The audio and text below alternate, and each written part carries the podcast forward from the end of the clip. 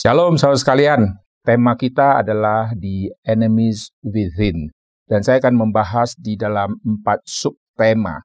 Mari kita tundukkan kepala, kita akan berdoa dulu. Bapa di dalam surga, kami berterima kasih untuk hari ini Tuhan sudah mengkumpulkan setiap kami di dalam acara retret dan kami berterima kasih untuk hari yang sebelumnya yang Tuhan sudah berkati. Dan kami berdoa biar hari ini Tuhan juga memberikan penjelasan kepada setiap kami dan mencelikkan mata rohani kami, supaya kami sebagai orang-orang Kristen mempunyai pemetaan, mempunyai pemikiran yang tajam untuk melihat strategi setan di dalam pekerjaannya, dan untuk kami sadar di dalam setiap kami mempunyai kelemahan-kelemahan tersembunyi. Oleh sebab itu, melalui retret ini, Tuhan sendiri akan memimpin setiap kami untuk lepas dan bebas dari semua keterkaitan dan semua musuh-musuh yang masih ada di dalam. Terima kasih Tuhan, Tuhan pakai hambamu di dalam menyampaikan kebenaran firman Tuhan. Dalam nama Tuhan Yesus kami berdoa. Amin. Saya akan ajak saudara melihat kejadian pasal yang ketiga ayat yang ke-15. Aku akan mengadakan permusuhan antara engkau dan perempuan ini, antara keturunanmu dan keturunannya keturunannya akan meremukkan kepalamu dan engkau akan meremukkan tumitnya. Saya baca sekali lagi yang bagian depan. Aku akan mengadakan permusuhan antara engkau dan perempuan ini.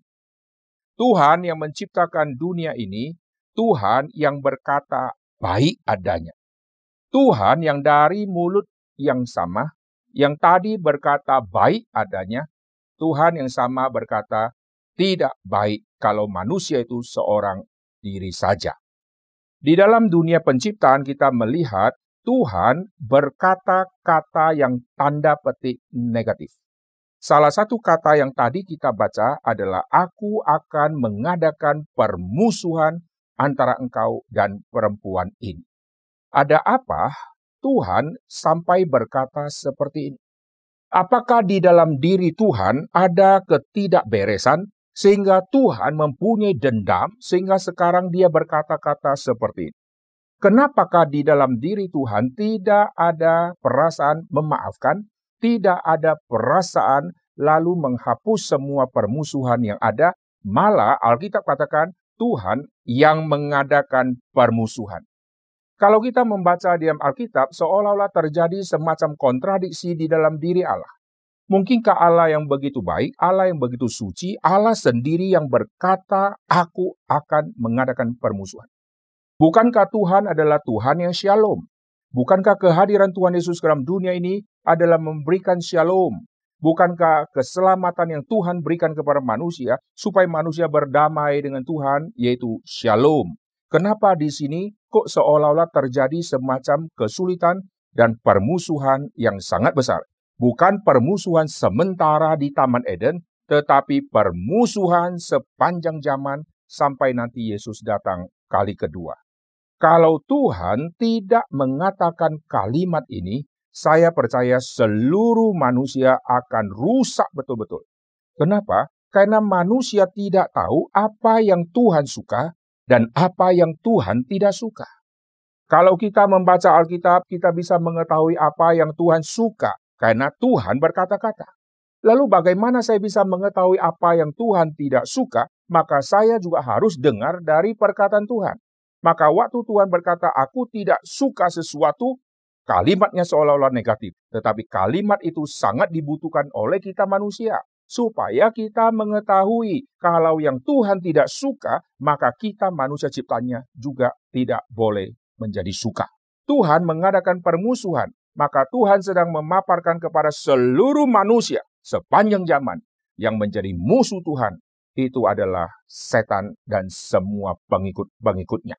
Jadi kita melihat permusuhan ini terjadi dari zaman ke zaman sampai nanti kedatangan Yesus kali kedua.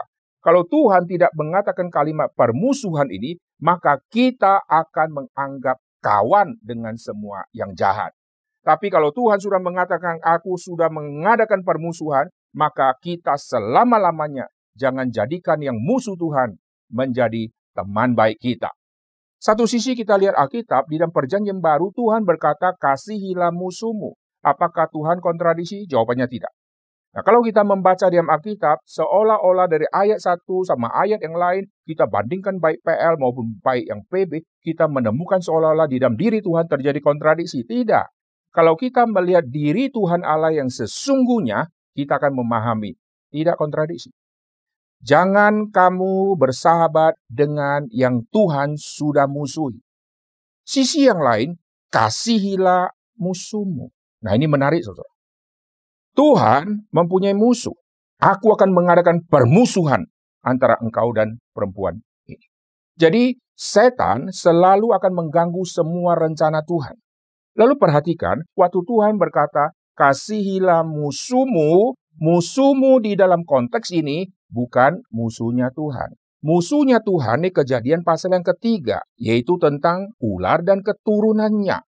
Tapi kau harus mengasihi musuhmu musuhmu ini bukan musuhnya Tuhan. Musuhmu ini adalah musuh yang muncul di dalam dunia ini, di dalam persahabatan, akhirnya muncul permusuhan. Musuh ini muncul karena terjadi semacam clash atau terjadi iri hati, terjadi saling sakit menyakiti, akhirnya muncullah musuh. Kau memusuhi dia, tapi kau tidak sadar, dia yang kau musuhi adalah orang yang Tuhan cintai. Maka kasihilah musuhmu ini di dalam konteks kau harus mengasihi sesama manusia. Tapi kau harus membenci musuhmu dalam konteks yaitu musuh di dalam dunia roh itu. Kita melihat di dalam dunia roh yaitu setan, kita harus tempatkan posisi aku memusuhi dia. Di dalam dunia roh itu, setan adalah si jahat maka saya harus menempatkan posisi sebagai anti dari dia. Saya tidak boleh bersahabat dengan dia. Lalu bagaimana dengan dia dan dunia? Dunia di bawah kekuasaan dia, maka kita pun tidak boleh mengasihi dunia. Ini menarik.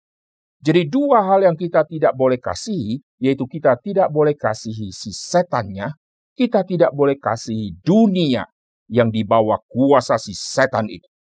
Kau harus mengasihi musuhmu, yaitu orang yang hidup di dalam dunia yang sekarang sementara waktu tidak mempunyai iman kepada Kristus. Mereka adalah seteru Tuhan. Tapi mereka yang seteru Tuhan, seteru di dalam dunia sementara. Yang mungkin di dalam periode waktu tertentu nanti dia dengar Injil, dia bertobat. Maka orang itu kau harus kasih. Tapi dunia dengan semua kerusakannya tidak pernah akan ada pertobatan.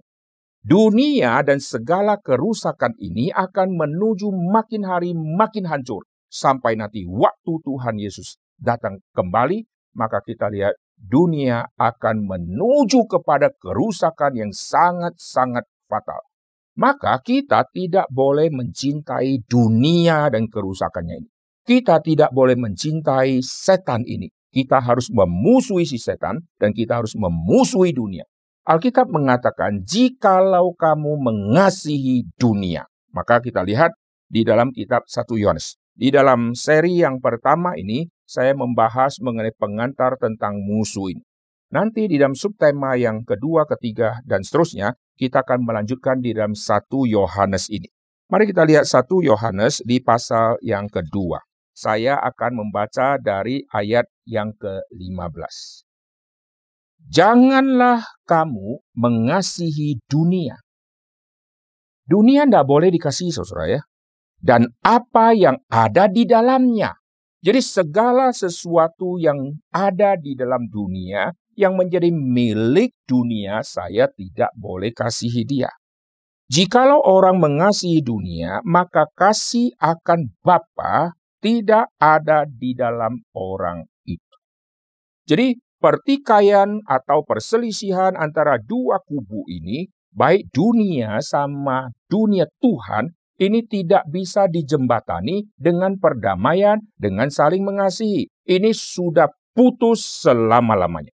Ini antara perpisahan si gelap sama terang. Dan perpisahan ini tidak pernah bisa didamaikan sehingga yang gelap sama yang terang menjadi abu-abu. Maka di tengah pertemuan ini adalah abu-abu. Tidak bisa.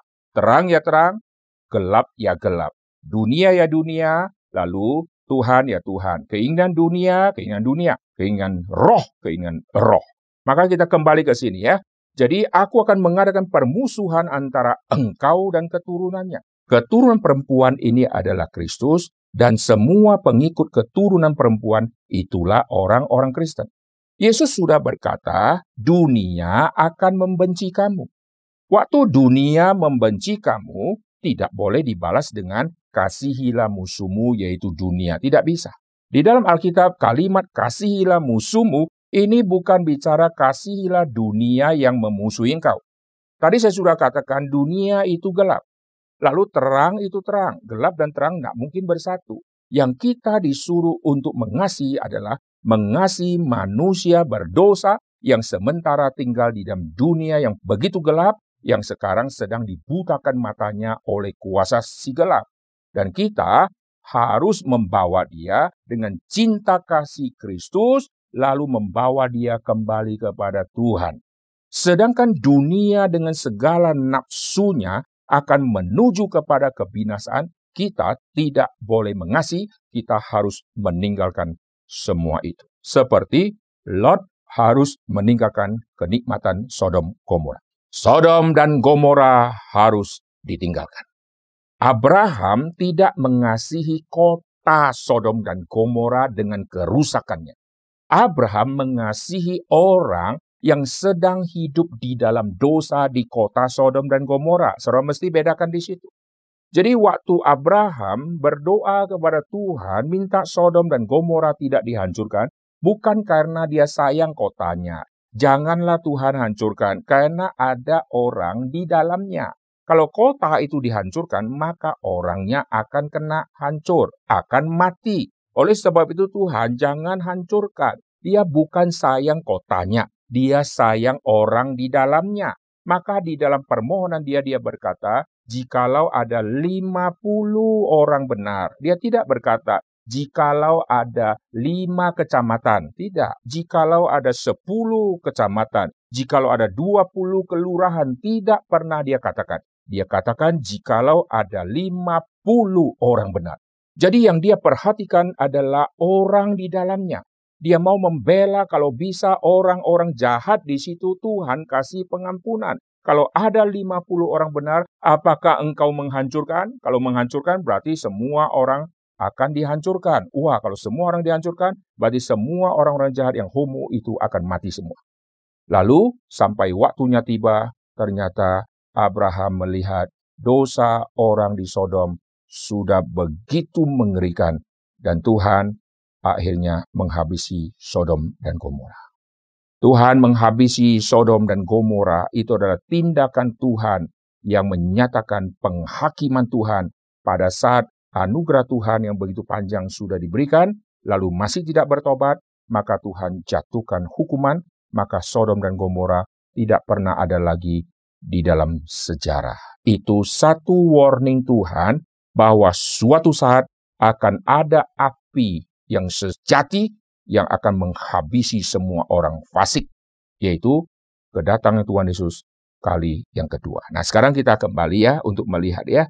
Jadi dunia dan segala keinginannya, segala yang ada di dalamnya itu adalah dunia yang dikuasai oleh setan itu dunia yang akan melawan orang benar.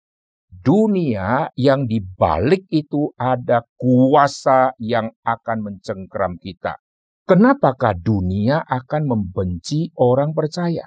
Waktu bicara dunia akan membenci orang percaya, karena orang percaya akan mengatakan kebenaran. Jadi kita melihat ya, satu sisi dunia di mana manusia tinggal ini sudah penuh dengan keinginan dan dosa karena seluruh dunia sudah ada di dalam dosa. Lalu ditambah lagi manusia ciptaan Tuhan, gambar rupa Tuhan, itu ada di dalam dunia orang berdosa. Dan orang ini belum sadar dirinya harus diselamatkan.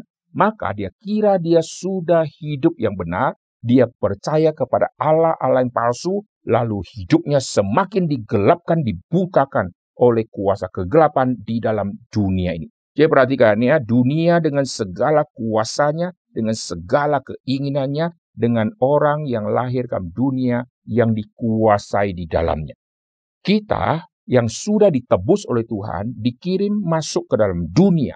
Kita dari dunia dibawa keluar. Dikuduskan artinya dibawa keluar. Lalu setelah dikuduskan, dibenarkan, kita dikirim kembali ke dalam dunia ini. Untuk apa? Untuk membawa orang berdosa yang lain keluar dari tempat yang gelap ini melalui Injil keselamatan.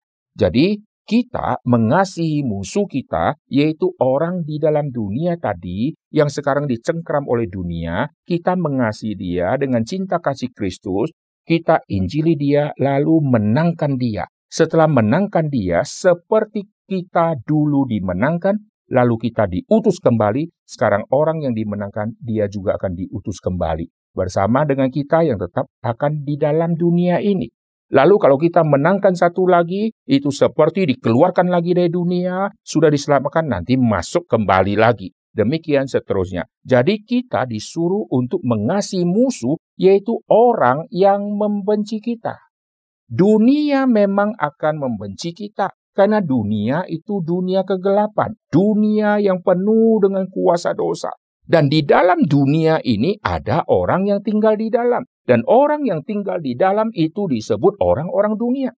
Maka orang-orang dunia ini waktu melihat kehadiran orang-orang benar, kehadiran orang-orang percaya, mereka tidak suka ada orang percaya. Dunia tidak suka orang percaya. Karena orang percaya kalau datang langsung menegur dosa. Waktu menegur dosa, orang berdosa merasa kau datang ingin mengacaukan kehidupanku, lebih baik engkau dienyakan saja.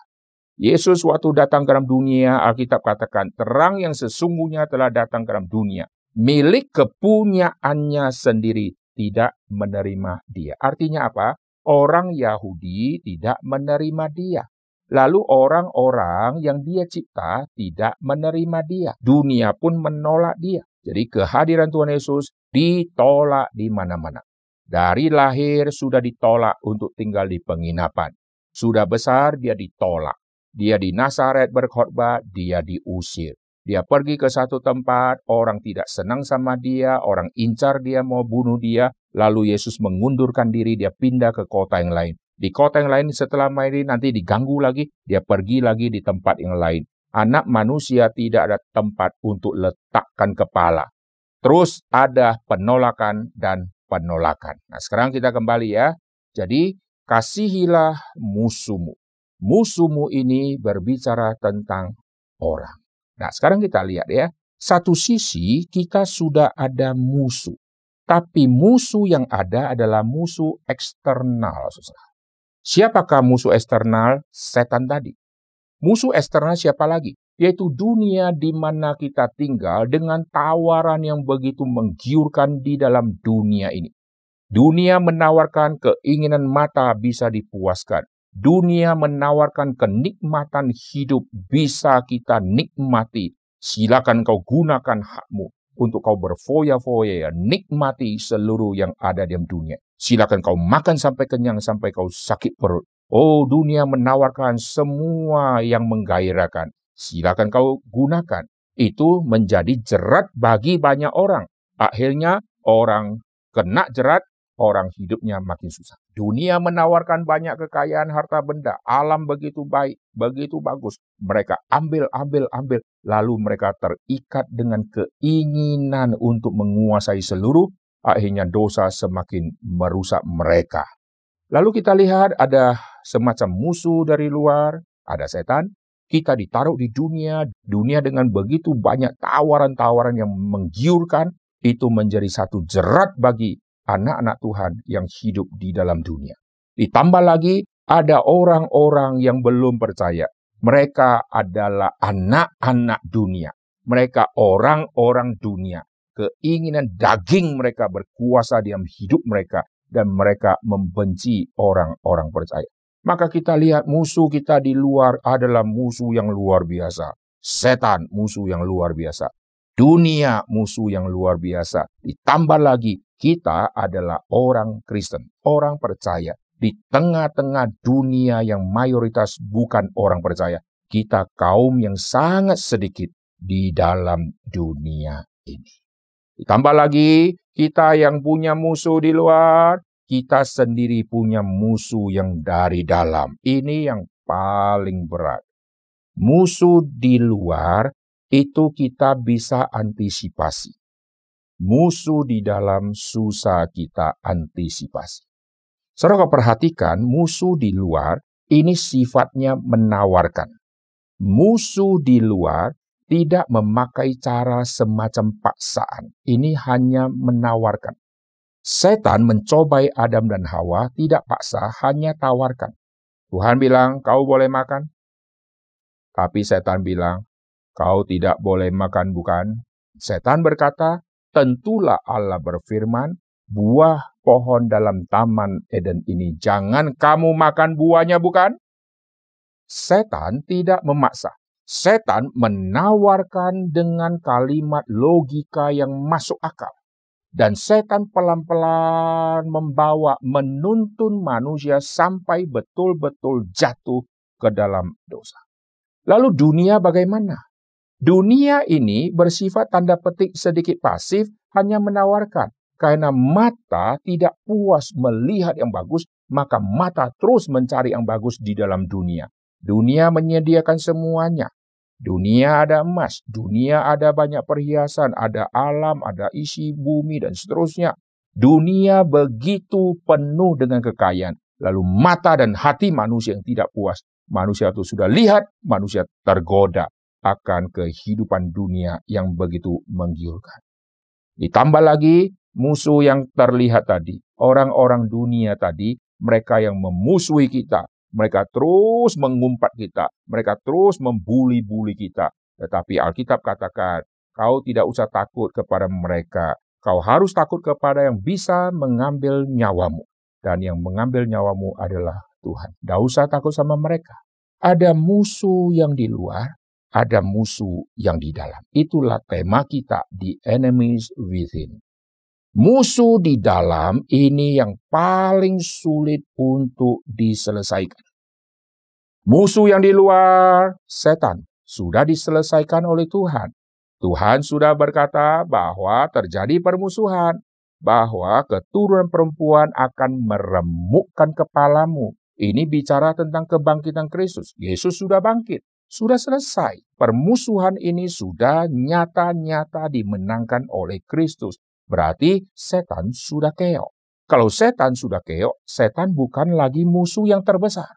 Maka berkuranglah musuh eksternal kita karena sudah dikalahkan oleh Kristus. Dan kita ada diam Kristus. Roh yang ada di dalam dirimu lebih besar daripada roh yang ada di dalam dunia. Sekarang dunia dengan begitu banyak keindahan dan keinginannya, roh yang ada di dalam dirimu lebih besar daripada roh yang ada di dalam dunia. Berarti dunia sudah ditaklukkan. Keinginan daging kita sudah dimatikan. Jadi setan sudah dikalahkan. Dunia sudah dikalahkan. Bagaimana dengan musuh itu?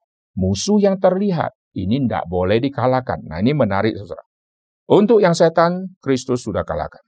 Untuk yang dunia dan keinginannya sudah ditaklukkan. Yang lain adalah manusia yang hidup di dalam dunia yang penuh dengan dosa ini ini bukan ditaklukkan seperti menaklukkan setan. Ini ditaklukkan dengan kasih. Setan ditaklukkan dengan peperangan. Lalu dunia dan keinginannya ditaklukkan melalui kematian juga. Kristus mati, Kristus bangkit. Waktu Kristus bangkit, hai maut di manakah sengatmu? Kepala ular sudah dihancurkan. Dunia dan keinginannya itu harus dimatikan dan Kristus sudah mati untuk kita. Kalau Kristus sudah mati bagi kita, maka daging kita sudah disalibkan bersama dengan Kristus. Keinginan-keinginan dunia yang sudah merasuk di dalam diri kita, semuanya sudah disalibkan. Berarti ini sudah kelar. Yang sekarang yang ada adalah kita berhadapan dengan musuh-musuh yang sekarang hidup diam dunia kegelapan, yaitu manusia-manusia berdosa dan ini yang perlu kita kasihi. Kasihi lalu taklukkan kepada Kristus. Menarik ya? Taklukkan kepada Kristus untuk menjadi alat Tuhan. Setan ditaklukkan bukan nanti menjadi alatnya Tuhan. Dunia ditaklukkan bukan untuk nanti menjadi pelayan Tuhan, tapi manusia yang berdosa ditaklukkan untuk nanti dipakai menjadi alat Tuhan. Nah, ini bedanya. Sekarang kita kembali ya. Jadi musuh di luar boleh kita katakan sebetulnya sudah tidak ada. Yang setan sudah Tuhan kalahkan, lalu yang dunia sudah dimatikan, yang orang-orang yang lain yang memusuhi kita, kita harus mengasihi dia. Lalu sisanya musuh yang di mana? Musuh yang di dalam diri. Musuh yang di dalam diri ini yang paling sulit untuk ditaklukkan. Nah, kalau musuh di dalam diri kita belum bisa taklukkan, maka musuh yang di luar tadi, yaitu setan dan keinginan dunia yang mestinya sudah kalah, nanti mereka akan masuk lagi akan mulai mengacau lagi dan dia akan membakar kita kembali, maka keinginan-keinginan daging kita akan kita hidupkan kembali. Kita yang sudah diselamatkan, kita harus mematikan keinginan daging. Tapi waktu kita harusnya mematikan keinginan daging, kita tidak matikan, kita hidupkan dia lagi. Maka keinginan-keinginan dari dalam diri kita Lalu nanti muncul, setelah muncul, muncul, lah setan mulai bakar-bakar lagi. Wah, kenikmatan dunia mulai mempengaruhi kita lagi. Akhirnya, yang mestinya bukan lagi menjadi ancaman yang eksternal, baik setan maupun keinginan dunia ini, sekarang menjadi ancaman yang baru karena kita menghidupinya lagi, susah. Hanya hidup kita semakin hari semakin susah karena kita menghadapi peperangan musuh di dalam sekaligus musuh di luar yang kembali hidup. Itu seperti zaman di dalam perjanjian lama, orang-orang Kanaan itu waktu sudah dikalahkan, mereka tidak ditumpas, mereka dibiarkan. Waktu mereka dibiarkan, lalu nanti mereka sudah lama, mereka kembali kuat, mereka menyusun strategi, mereka akan ajak perang lagi. Dan mereka akan berperang kembali. Kita lihat di dalam Alkitab, memang Tuhan tidak langsung menghabisi semua. Tuhan izinkan semua itu tersisa. Waktu Tuhan suruh bantai seluruh penduduk kanan, lalu suku-suku tidak bantai. Lalu waktu mereka tidak bantai mestinya salahnya mereka. Tapi Alkitab mencatat Tuhan izinkan ini terjadi. Supaya apa? Supaya mereka kucoba. Atau lebih tepat, supaya mereka diuji. Setan sampai hari ini kenapa tidak dibereskan langsung oleh Tuhan sehingga semua sudah tiada? Tuhan izinkan semua ada. Untuk apa? Supaya kita diuji oleh Tuhan dan Tuhan izinkan kita dicobai oleh setan. Untuk apa? Supaya iman kita dimurnikan lagi. Dulu seorang hamba Tuhan berkata, puji Tuhan ada setan. Kalau tidak ada setan, kita berkata, aku sudah menang. Menang dari siapa? Aku sudah menang. Aku sudah menaklukkan keinginan dagingku. Aku sudah menang. Lalu sampai akhir kita berkata, aku sudah menang. Menang dari siapa, saudara? Menang dari keinginan daging? Menang dari kuasa si jahat? Menang dari semua godaan di dalam dunia. Oleh sebab itu, kita harus bersyukur. Masih ada setan, masih ada godaan dunia. Sehingga kita ditempatkan di tengah-tengah dunia seperti itu untuk menguji setiap kita. Ini menjadi pendahuluan untuk kita memahami tema tentang musuh ya. Tuhan izinkan masih ada orang jahat di tanah kanan itu dan tidak ditumpas habis. Supaya mereka ku coba atau supaya mereka ku uji. Mereka tetap setia berpegang pada perintah Tuhan yang Tuhan sudah nyatakan di zaman Musa atau mereka abaikan. Jadi Tuhan izinkan. Lihatlah tanah kanan. Wah orang kawin campur. Wah keinginan dunia di situ begitu menggiurkan. Wah, terjadi free sex di mana-mana. Kau lihatlah. Kau tertarik? Kalau kau tertarik, kau ikut. Kau sedang gagal karena Tuhan sedang menguji engkau dengan masih adanya orang kanan di situ. Kau melihat perempuan mereka cantik-cantik. Kau melihat sesamamu jeleknya minta ampun. Yaitu gadis dari suku kamu. Itu jeleknya minta ampun. Lihat yang kanan. Aduh cantiknya luar biasa. Kamu mulai tertarik dengan keinginan matamu lalu akhirnya kamu ambil dia menjadi istrimu, kau jatuh di dalam ujian Tuhan dan kau gagal di situ. Jadi Tuhan sengaja izinkan semuanya ini terjadi.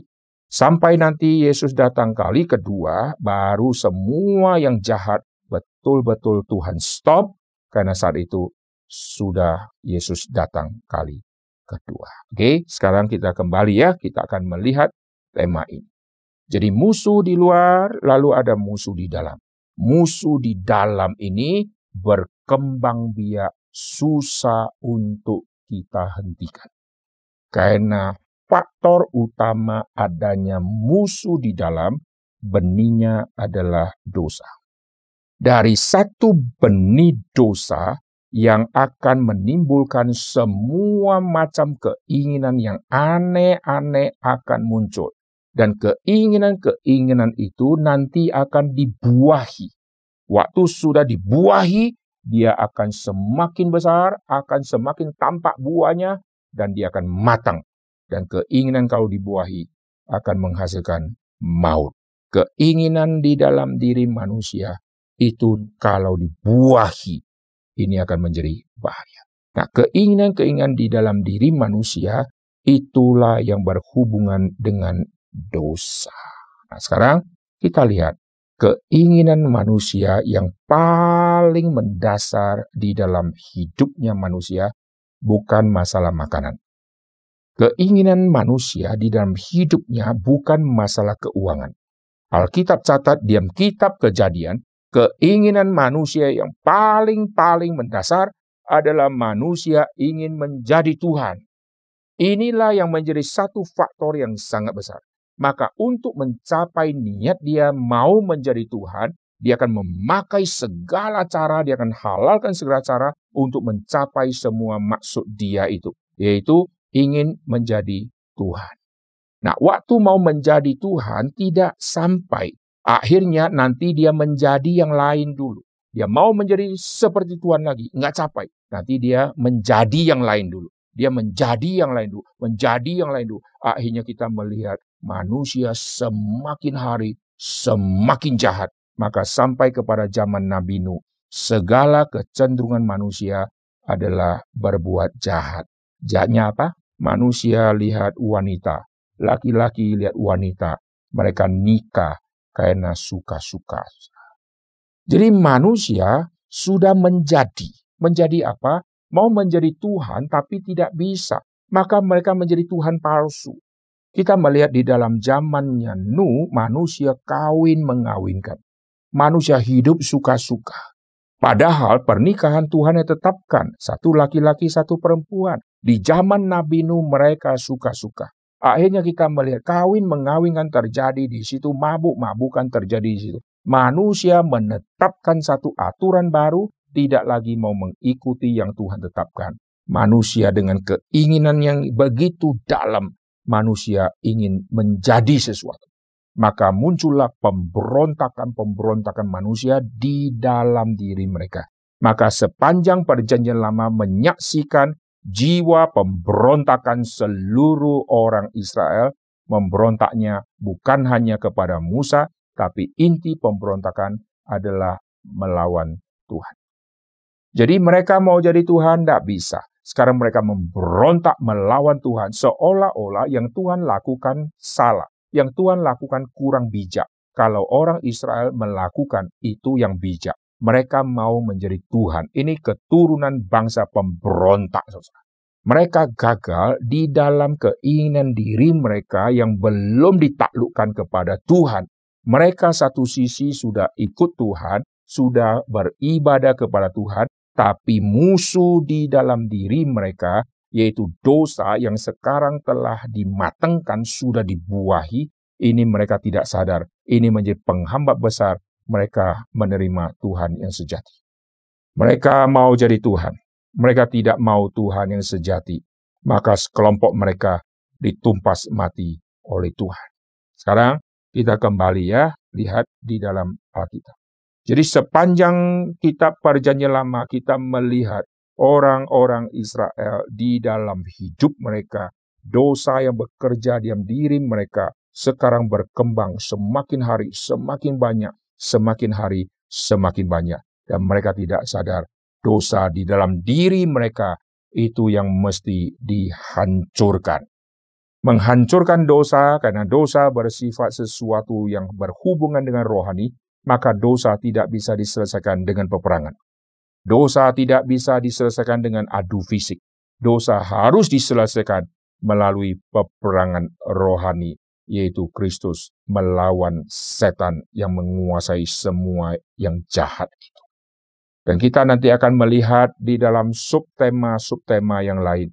Saya akan menyempitkan semua keinginan ini di dalam tiga poin, di dalam subtema berikutnya yang nanti kita akan bahas. Nah, sekarang saya akan simpulkan dulu. Jadi kita lihat waktu Tuhan menetapkan mengenai permusuhan. Barulah manusia sadar siapakah musuhku dan tidak boleh aku kasih dia. Sampai kepada perjanjian baru, kasihlah musuhmu, langsung clear, musuh yang mana yang harus dikasih. Kalau kita tidak bisa memilah mana yang harus dikasih, mana yang tidak harus dikasih, maka kita akan salah. Yang setan kita kasihi, yang Kristus kita benci, itu bahaya sekali. Nah setelah kita memahami bagaimana kita memilah harus mengasihi yang mana, sekarang ada musuh di dalam diri kita yang internal. Apakah kita disuruh untuk kasihi musuhmu, yaitu musuh internal? Jawabannya tidak. Jadi musuh internal ini yang di dalam bukan untuk dikasihi. Bukan juga untuk dibenci, saudara. Nah ini menarik. Kalau yang setan, saya benci dia. Saya benci dia, saya jauhi dia. Clear. Dunia dan keinginannya, saya benci dia, saya jauhin dia. Clear, saudara. Tapi musuh di dalam diriku, aku jauhi dia, tidak bisa. Dia ada di dalam, saudara.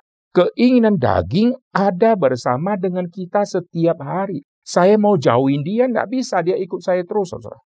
Maka tidak ada cara lain kita mengalahkan keinginan daging kita, yaitu mesti melalui salib Kristus. Kematian Tuhan Yesus di atas kayu salib itu yang akan mematikan semua keinginan-keinginan daging kita.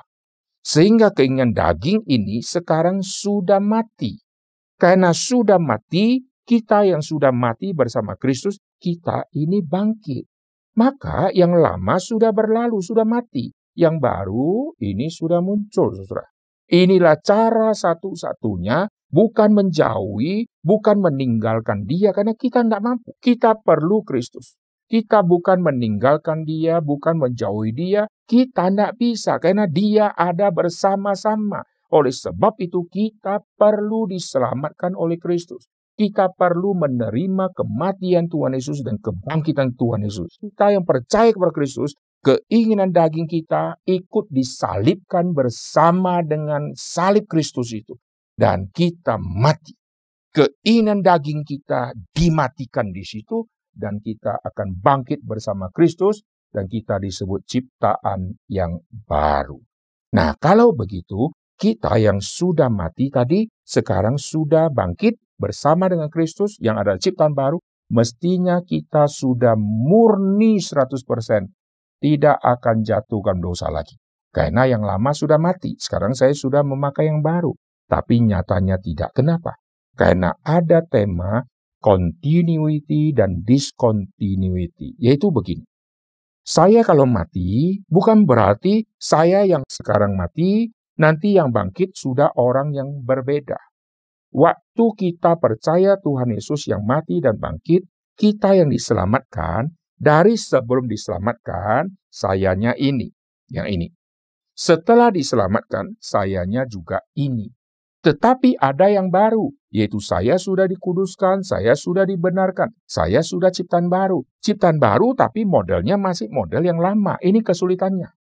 Jadi waktu bicara tentang hal rohani, saya sudah dimatikan, lalu saya bangkit, bukan berarti saya sudah berubah dari A sekarang sudah jadi B. Tidak. Saya dulu orang A, sekarang orang B. Tidak. Saya dulu orang A, yang disebut A, sekarang saya juga disebut A sama. Setelah diselamatkan, hanya di dalam detik tertentu waktu saya dengarkan firman Tuhan, saya menerima Tuhan Yesus, perubahan detik sebelum dan sesudah tidak merubah postur tubuh saya, saudara. Oleh sebab itu, kesulitan kita dalam dunia ini adalah kita yang adalah ciptaan yang baru, tetapi masih mengenakan daging-daging ini yang model-model lama. Dan memori kita masih memori-memori yang banyak yang lama-lama memori-memori yang baru yang masa depan kita belum lewati. maka yang masa depan kita tidak ada. Yang ada adalah semua memori masa lalu. Memori kita pernah jatuh, pernah jahat, pernah berdosa. Lalu keinginan-keinginan kita, kita masih ingat yang masa-masa dulu. Akhirnya waktu kita sudah diselamatkan, kita sudah menjadi anak Tuhan, kita kecenderungannya kadang-kadang waktu lagi baik, kita ingat harus terus berpegang janji Tuhan. Waktu kita sudah jauh imannya dari Tuhan, kita mengingat yang masa lalu, saudara. Saya kasih contoh sederhana, lalu kita akan akhiri. Nanti kita akan masuk poin yang berikutnya. Seekor babi yang sudah lama ada di hutan, yang hidupnya terus ada di kubangan lumpur yang kotornya luar biasa. Lalu suatu saat kita masuk ke hutan, kita melihat ada babi yang sedang mandi-mandi, sedang kotor. Lalu kita kasihan sama dia, kita tangkap dia, kita bawa pulang. Sampai di rumah kita siram dia, kita bersihkan, kita beli sampo yang termahal, kita bersihkan dia, kita latih dia supaya hidupnya bersih. Lalu setelah satu tahun, wah si babi ini bisa hidup bersih, kita dandani, kita kasih baju, kasih pita, lalu setiap hari kita mandikan, lalu dia bersih sehingga hidupnya jadi bersih. Suatu saat kita bawa dia kembali ke hutan di mana kita temukan dia, ke kubangan di mana dia dulu suka mandi kita bawa dia ke sana, kita lepasin dia. Begitu sudah lepasin, dia kembali berkubang di tempat yang lama. Wah, dia nikmati semua itu sehingga badannya semuanya kotor. Loh, bukankah saya sudah membawa dia dari kubangan yang kotor itu saya sudah bersihkan? Iya, sudah bersihkan, tapi jiwa dia, memori dia, kebiasaan dia masih ingat yang lama. Sehingga kalau dia dibawa kembali lagi ke kubangan, dia akan kembali berkubang di situ. Ini fakta. Nah, manusia juga alami hal yang sama. Kita sudah diselamatkan, tapi kita tidak dipindahkan ke dunia yang lain, saudara. Sehingga kita lepas dari dunia yang sebelumnya. Kita sudah diselamatkan, Misalnya di satu kebaktian, dengar khotbah, lalu kita terima Tuhan Yesus, kita pulang ke rumah, besok ke kantor, ke keluarga, ke mana, ke teman, itu lingkungan kita masih lingkungan yang sama. Itu seperti babi tadi dibawa kembali ke hutannya, di depannya ada tempat dia berkubang. Sama, kita yang sudah diselamatkan, besok kita ketemu lagi. Dunia lamanya kita. Nah, Tuhan izinkan ini semua terjadi untuk menguji setiap kita. Apakah kau sekarang taat kepada perintah Tuhan atau kau kembali kepada yang lamamu?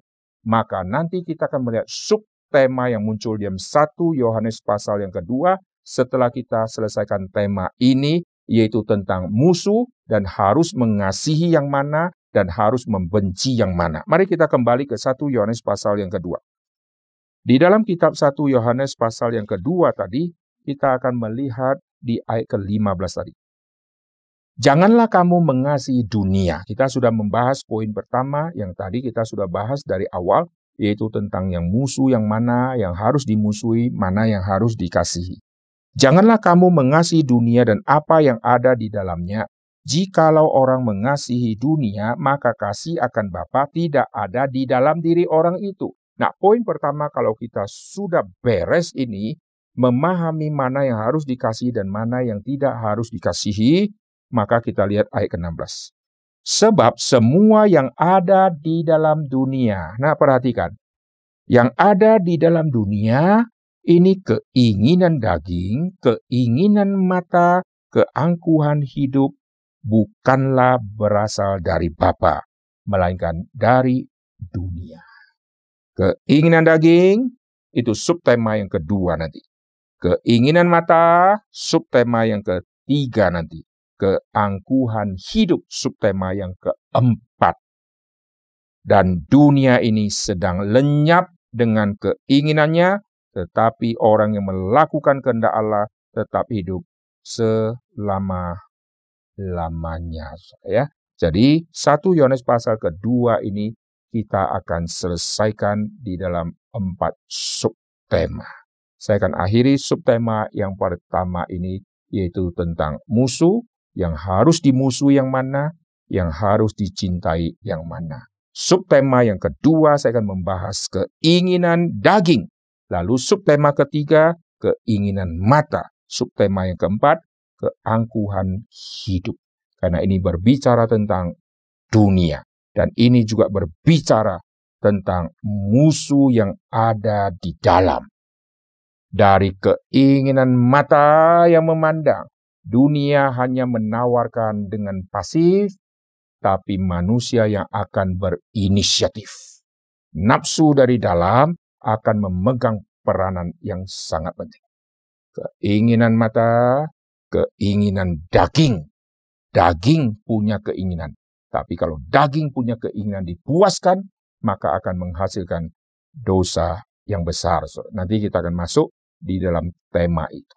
Lalu keangkuhan hidup saudara, kesombongan ini semua dari diri. Kenapa manusia bisa sombong? Karena melihat yang lain, melihat yang lain, yang lain semua yang dia lihat, lalu keinginan dari dalam, lalu meninggikan diri, lalu mau menjadi yang lebih tinggi dari yang lain, akhirnya jatuh ke dalam keangkuhan hidup.